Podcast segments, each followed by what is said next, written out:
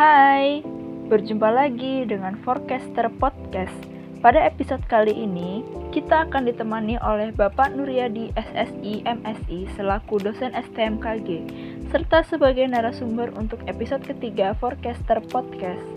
Pada episode ketiga Forecaster Podcast kali ini, kita akan mengangkat tema mengenai pengaruh cuaca dan iklim terhadap ISPA atau infeksi saluran pernapasan akut. Menurut pengetahuan saya ya Pak, pada bulan Agustus itu termasuk dalam musim kemarau. Tapi kenapa sih Pak di beberapa wilayah Jakarta masih terjadi hujan yang cukup deras? Bahkan saya baca di berita ada beberapa daerah yang sampai tergenang banjir. Kira-kira apa sih Pak yang mempengaruhi hal tersebut? Apakah hal tersebut ada kaitannya dengan perubahan iklim yang terjadi di wilayah kita, Pak? Ya, baik. Sebelumnya saya mengucapkan terima kasih kepada tim uh, podcast ya uh, KKN Unit 4 Sekolah Tinggi Meteorologi, Klimatologi dan Geofisika. Uh, pada kesempatan ini saya diundang untuk menjadi narasumber. Ah, pada kesempatan ini tema yang uh, diajukan adalah tentang pengaruh cuaca iklim uh, terhadap penyakit ISPA Baik, nanti saya coba akan uh, memberikan beberapa masukan dan sekaligus menjawab dari beberapa pertanyaan yang diajukan. Ah, yang pertama uh, terkait dengan kondisi hujan ya, iklim cuaca air-air ini uh, dapat saya berikan masukan bahwa secara klimatologis memang pada bulan Agustus di sebagian besar wilayah Indonesia umumnya sudah memasuki musim kemarau, terutama di daerah-daerah yang pola hujannya monsun. Nah, sebagaimana kita ketahui, curah hujan di Indonesia ini uh, banyak dikendalikan oleh berbagai faktor, baik global, regional maupun lokal. Analisis pada akhir uh, bulan Juli 2021 menunjukkan ada salah satu fenomena yaitu MGO. Ini aktif pada fase 8 dan uh, diprediksi masih tetap akan aktif bergerak melewati, melewati fase 8. Uh, selanjutnya berdasarkan uh, hasil pemetaan prediksi dari spasial anomali, uh, wilayah basah akan memasuki wilayah Indonesia, utamanya bagian barat pada pertengahan uh, 10 hari Agustus 2021 ini dan terus bergerak ke arah timur wilayah Indonesia hingga ke pertengahan uh, bulan Agustus 2021. Kemudian fenomena lainnya uh, ENSO sebagaimana diketahui yaitu uh, El Nino dan La Nina. Nah, ini dimonitor untuk El Nino dalam kondisi netral, tetapi untuk uh, indeks default mode yang berada di Samudra Hindia ini menunjukkan kondisi prasyarat uh, iode yang negatif dan sudah berlangsung uh, semenjak dua dasarian terakhir ya akhir akhir akhir Juli. Dan ini tentu akan menambah intensitas curah hujan di uh, wilayah bagian barat dan tengah Indonesia. Jadi uh, ini mungkin yang juga menyebabkan mengapa uh, pada bulan Agustus ini yang tadi secara klimatologis harusnya musim kemarau tapi masih ada intensitas hujan yang uh, cukup lebat. Namun demikian, mengingat tadi ya uh, fenomena MGO maupun uh, ENSO ini adalah uh, termasuk dalam variabilitas musiman. Tentu kalau ini dikaitkan dengan perubahan iklim, maka ini bukan ya bukan hal yang merupakan daripada perubahan iklim. Jadi hanya hanya merupakan variabilitas saja. Wah, Ternyata terjadinya hujan pada musim kemarau ini diakibatkan oleh peristiwa NGO dan ENSO di mana ENSO ini merupakan El Nino dan La Nina. Sekarang kan lagi musim kemarau nih Pak. Untuk kondisi seperti ini, bagaimana sih keadaan cuaca dan kondisi kualitas udara di Jakarta?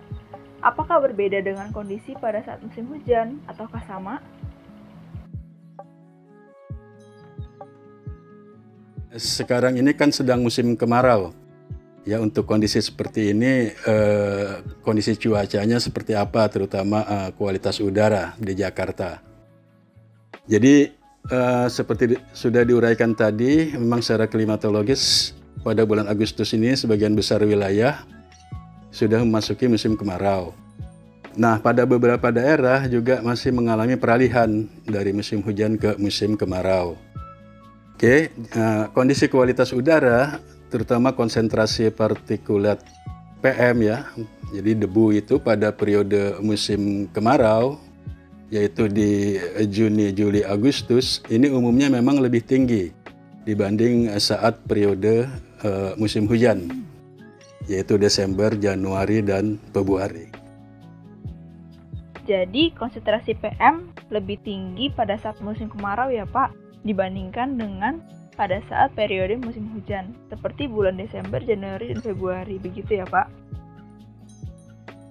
Kemudian nih Pak, kan kita pasti sudah pada tahu nih ya Pak, pada kota-kota besar nih khususnya di wilayah DKI Jakarta, penggunaan kendaraan bermotor tuh sangat tinggi, yang menyebabkan adanya polusi atau pencemaran udara yang disebabkan oleh emisi gas kendaraan bermotor. Namun, selain emisi gas kendaraan bermotor, apa saja sih Pak parameter yang menjadi tolak ukur pencemaran udara?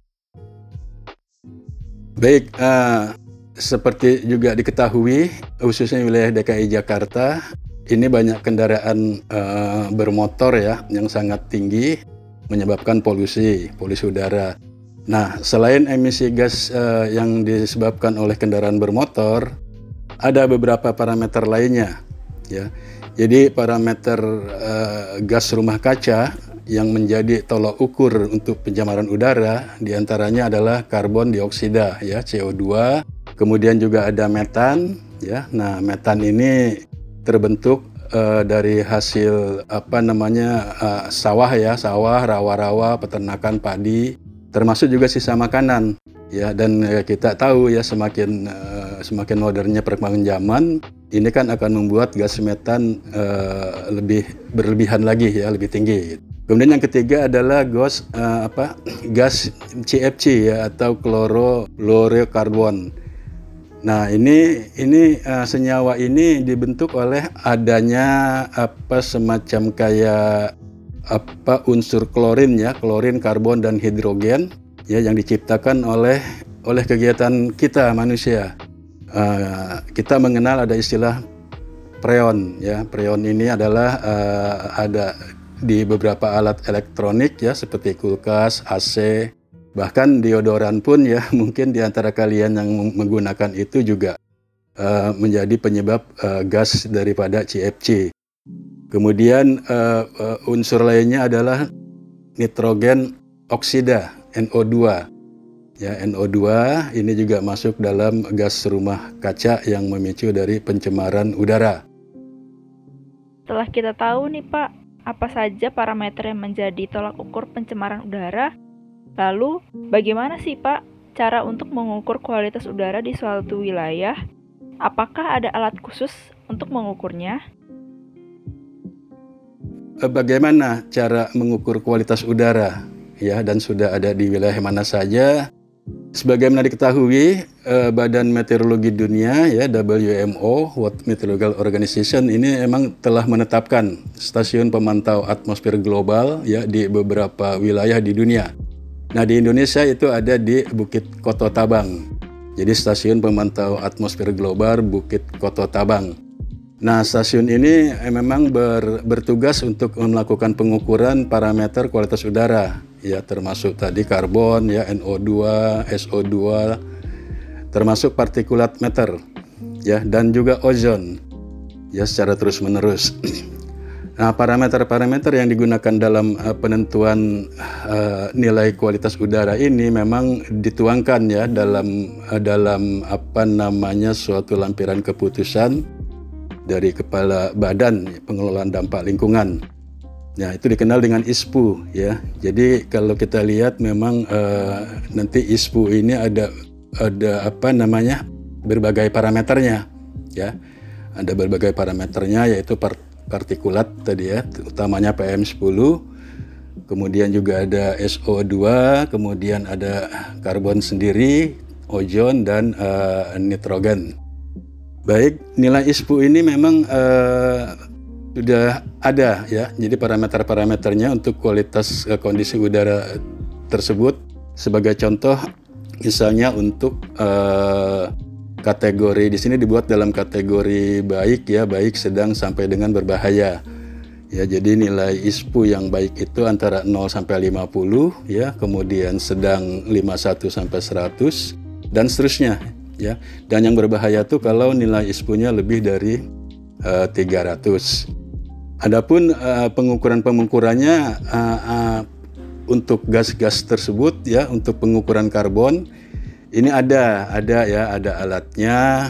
Salah satunya itu Horiba ya, Horiba APMA 360 ya kemudian uh, yang diukur pada alat ini adalah uh, nilai daripada kandungan uh, karbon ya kemudian pengukuran untuk sulfur dioksida SO2 ya.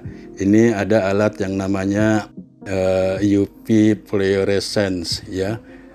Nah di sini uh, yang diukur adalah uh, apa namanya kondisi ya. Eh, kondisi SO2 ya dalam uh, berbagai satuan waktu ya rata-rata 5 menit. Kemudian uh, pengukuran nitrogen dioksida NO2 ya ini ada alatnya yang bernama TS ya modelnya TS42i trace level.